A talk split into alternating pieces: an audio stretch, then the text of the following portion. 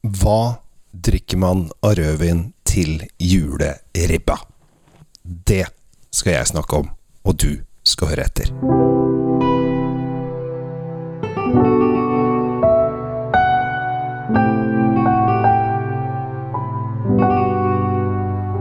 Hei, hjertelig velkommen til eh, Kjells vinkjeller. I dag er det et alvorlig tema, nemlig hva drikker man til juleribba? Og man sier 'og jul med din glede og barn i august', var det noen som sier. Det er ganske morsomt. Uh, men det er ikke sånn juleglede vi snakker om nå. Nå er det da uh, julevinglede til ribba. Og ribba er uh, litt hellig for mange. Det er, noen skal ha langtidsstekt, og noen har minutt for minutt, og noen skal ha Hellstrømribbe, osv., osv. Jeg har et lite tips. Når du skal liksom sette den inn helt på slutten bare for å få svoren til å poppe, så pensl svoren med eddik. Da skal jeg love deg, du får skikkelig sprø svor. Og det smaker ikke eddik heller, det forsvinner. Så det er bare en sånn liten sånn penselstrøk med eddik over sporen.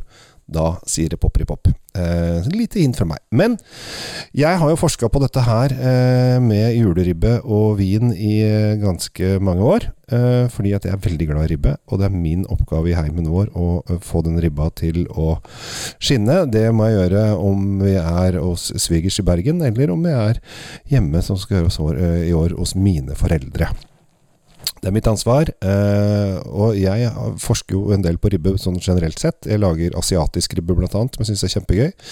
Hvis dere lurer på hvordan det lages, kan dere gå inn på Nettavisen, og så søker dere opp bare asiatisk ribbe. Så får du en film der jeg er Rudi Celso, en veldig god venn av meg, som er eh, asiatisk streetfood-kokk. Og jeg har lagd en uh, liten film om hvordan asiatisk ribbe kan være, og det er helt sjukt godt. Og jeg anbefaler det faktisk, for nå er det liksom sånn 50 kroner kiloen på på ribba. Uh, kjøp inn 5, 6, 7, 8, 9 ribber. Spørs hvor mye plass du har i frysen. Og så har dere liggende, så kan dere ha forskjellige typer ribber utover året. Eh, asiatisk ribbe har jeg i hvert fall i påskehøytiden. Og eh, hender at jeg har det i vinterferie og på andre ferier også. Eh, høstferie sikkert. Eh, jeg trodde at jeg hadde rikelig med ribbe da min bror tok kontakt med her eh, i august, for da skulle min nevø konfirmeres. Og så da sier han Du, broderen. Uh, William ønsker seg at du skal lage asiatisk ribbe til, til, til konfirmasjonen hans, for jeg syns han er så digg. Og jeg bare Ja, klart det, det kan vi fikse. Eh, og så gikk jeg ned i frysen, og så bare Nei, der var jeg tom. Og da måtte jeg da på Meny og bestille ribbe der. Og det er også frossen ribbe som de har eh, bare hatt siden jul. Og da tror jeg det var 300 kroner kiloen eller noe sånt. Så det lønner seg å bare kjøpe inn masse ribbe når det er billig, og legger i frysen. Ta ferdig frossenribber, bare fyll opp hele båndet av frysen. La de ligge der, og så plukker du opp én etter én utover våren. Så kan du lage alle slags mulige varianter. Det er supergøy. Men vi skal ikke snakke så mye om alle slags mulige varianter. Vi skal snakke om tradisjonell norsk ribbe. Eh, eller svineribbe, som de sier på Vestlandet. Eh, for der, der eh, alle, for alle stedene der de spiser pinnekjøtt som hovedmål, så er det svineribbe. Og skal vi ha svineribbe, skal vi ha svineribbe. Mens vi som har ribbe som hovedrett, altså på julaften, der sier vi bare ribbe. Og det er, så vidt jeg har skjønt, i hvert fall fra tall fra 2014, 55% av oss som er eh, ribbeentusiaster. Så det er ganske, ganske god overdel. Eller vi er, vi er over 50% så vi har makta. Eh, og visstnok skal det være hundrevis av tonn med ribbe på lager nå, som de har, det er bare å, å gasse på. Men til den ribba har jeg forska i flere år. Eh, og det har ofte vært ripasso som liksom har vært greia. Og det er veldig mange som har snakket om ripasso, og at ripasso passer bra, og det skal være sånn og sånn og sånn. og sånn. Uh, og det, ja, jeg er enig i det. Det er, uh, det er veldig velsmakende. Uh, og et år, og det er vel Jeg lurer på om det er seks år siden eller noe sånt, så var jeg innom en vinimportør der det jobber en italiensk dame som heter Prisca. Hun er veldig, veldig koselig.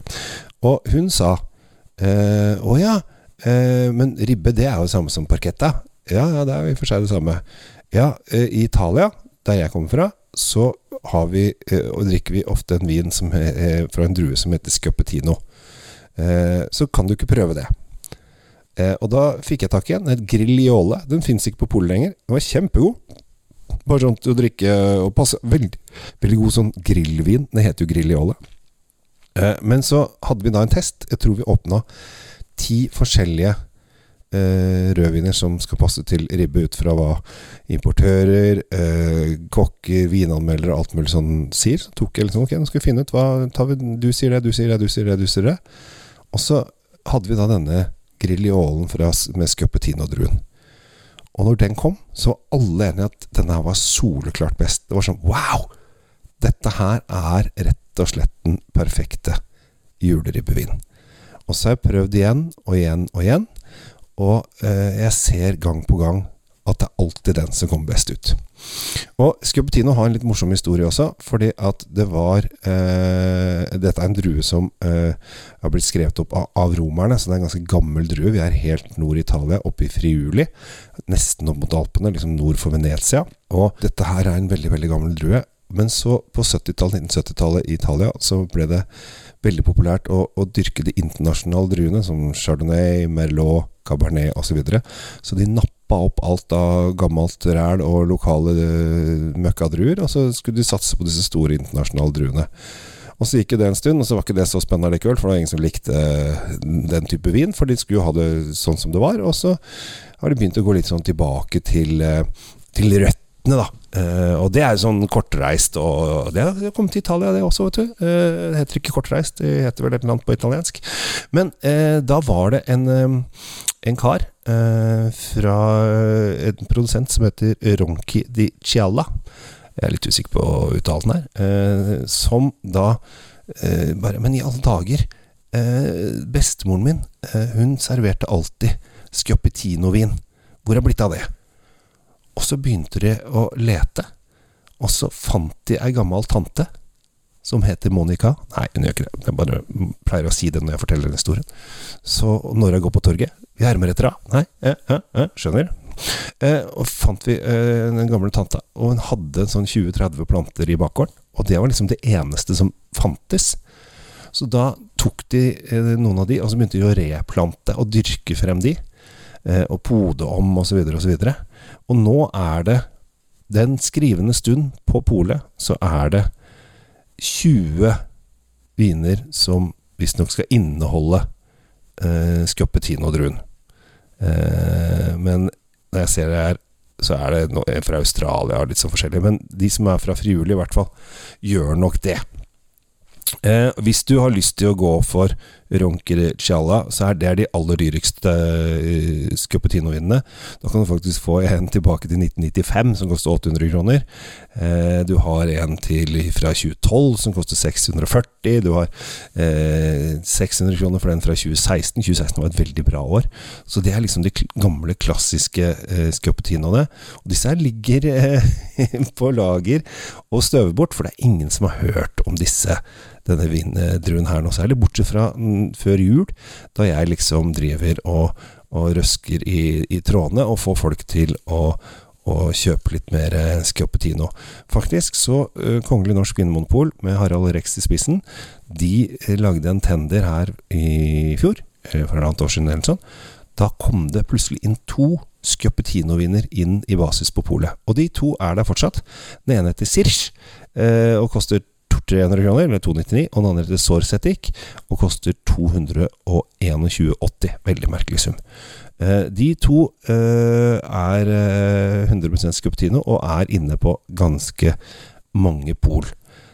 Problemet er at selv ikke de som jobber på polet, vet at dette her er den ultimate ribbevin. Jeg var senest på polet i dag for å hente et, noen viner som jeg skal ha til et vinkurs jeg skal kjøre, faktisk, på, som heter da Vin til julemat. Eh, og da ble jeg snakkende med eh, han som jobber på polet, og så da Hva er det du anbefaler til ribbe? Ja, nei, det blir jo ofte litt sånn Hvis du skal ha rødt, så blir det ofte litt ripasse sånn, men så har du prøvd scuppetino. Eh, å nei, det hadde han ikke, men han, han hadde prøvd Perla Verga. Eh, og det er en ganske sånn spicy peppertonevin, som også kanskje kan eh, fungere litt eh, sa han. Men jeg er jo da helt klart at det er Scuppetino som er greia.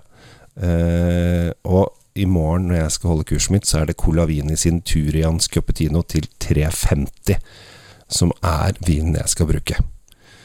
Men se hva du får tak i. Har du god tid og vet at du skal eh, ikke ha ribba før på julaften, så har du nå nesten ja, det var 20 dager akkurat når jeg leser inn dette her. Eh, for jeg leser inn dette mandag 4.12., hvis du lurer på det.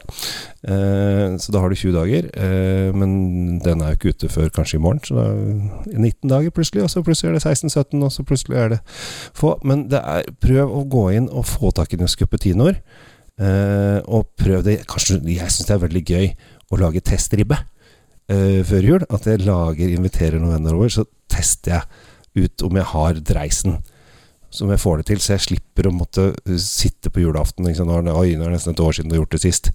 Og, og prøve, for da veit du at du er litt innkjørt i, i ribbe, ribbekjøret. Det, det syns jeg er litt, er litt morsomt.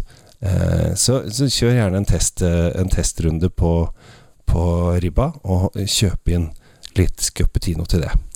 Jeg har jo mange kamprop, men make scuppetino great Det kan ikke bli again, for den har jo på en måte aldri vært en sånn veldig kjent drue. Eh, jeg pleier å spørre hvordan skriver man scuppetino, sier folk når jeg snakker om det. Ja, skriv det så vanskelig du greier, for det er akkurat sånn det gjøres med S, C, H, I og O og dobbel P og dobbel T osv. Det er masse. Så eh, bare prøv, prøv, å skrive så godt du kan. Så eh, får vi, får vi se. Men jeg anbefaler det i hvert fall. Eh, og jeg syns at det er gøy om vi greier å kjøpe nok Scuppetino at de holder seg inne i polet. At ikke de forsvinner ut. For sånn som Grigliole, den hadde, den hadde ett år. Den vant en eller annen tender for en Ja, det er fem, seks, syv år siden, da.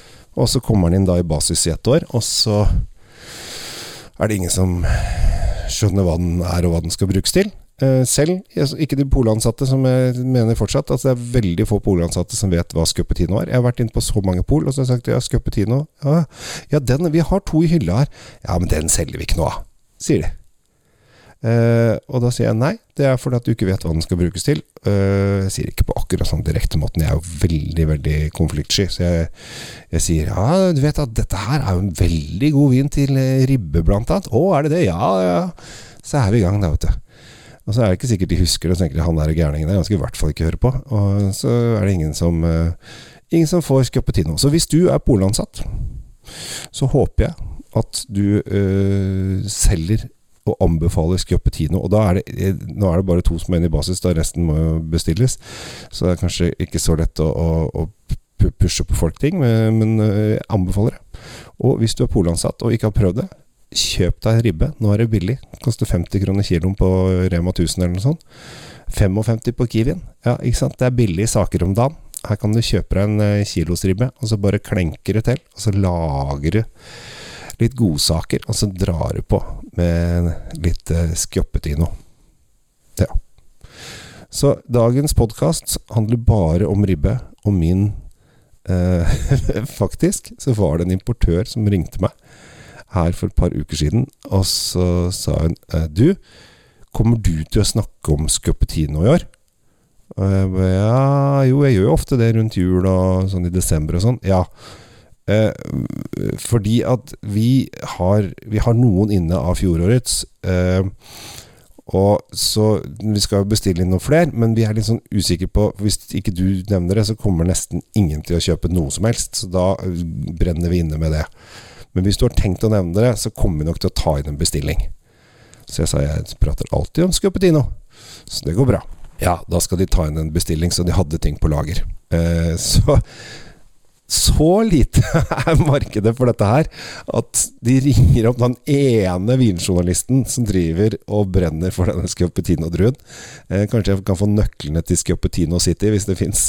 Eh, og bli sånn æresmedlem av Schioppettino. Eh, aner ikke. Men så, så viktig eh, er det faktisk at det er noen som prater om dette her. Og da tar jeg gjerne den jobben. Og så håper jeg at når du har smakt det, at du også kommer til å spre det gode ryktet. Problemet er at hvis du kjøper den og drikker den på julaften, så er det veldig lenge til vi skal ha ribbe igjen. Så da blir det jo ikke før til neste år, og da har man jo glemt det. Så jeg tror jeg oppfordrer alle til å lage, lage en testribbemiddag ganske snart, med litt scuppetino. Og så er du klar til den store kvelden. Selveste julaften. Og da har Adam og Eva navnedag. Det er greit å vite.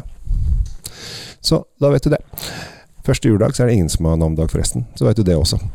Da skal jeg gi meg med dette Scuppetino-kjøret mitt, og håper at du trives med disse podkastene, og at du får uh, noe lærdom, og at du liker Altså at du i hvert fall prøver en del av vinene, og så håper jeg at du, de faller i smak. For det er ikke sikkert at jeg har samme smak som deg, men jeg håper kanskje at du blir inspirert til å prøve nye ting. Og utfordre deg selv litt. Med det ønsker jeg deg en god førjulstid med masse ribbe og masse god vin. Jeg heter Kjell Gabriel Henriks.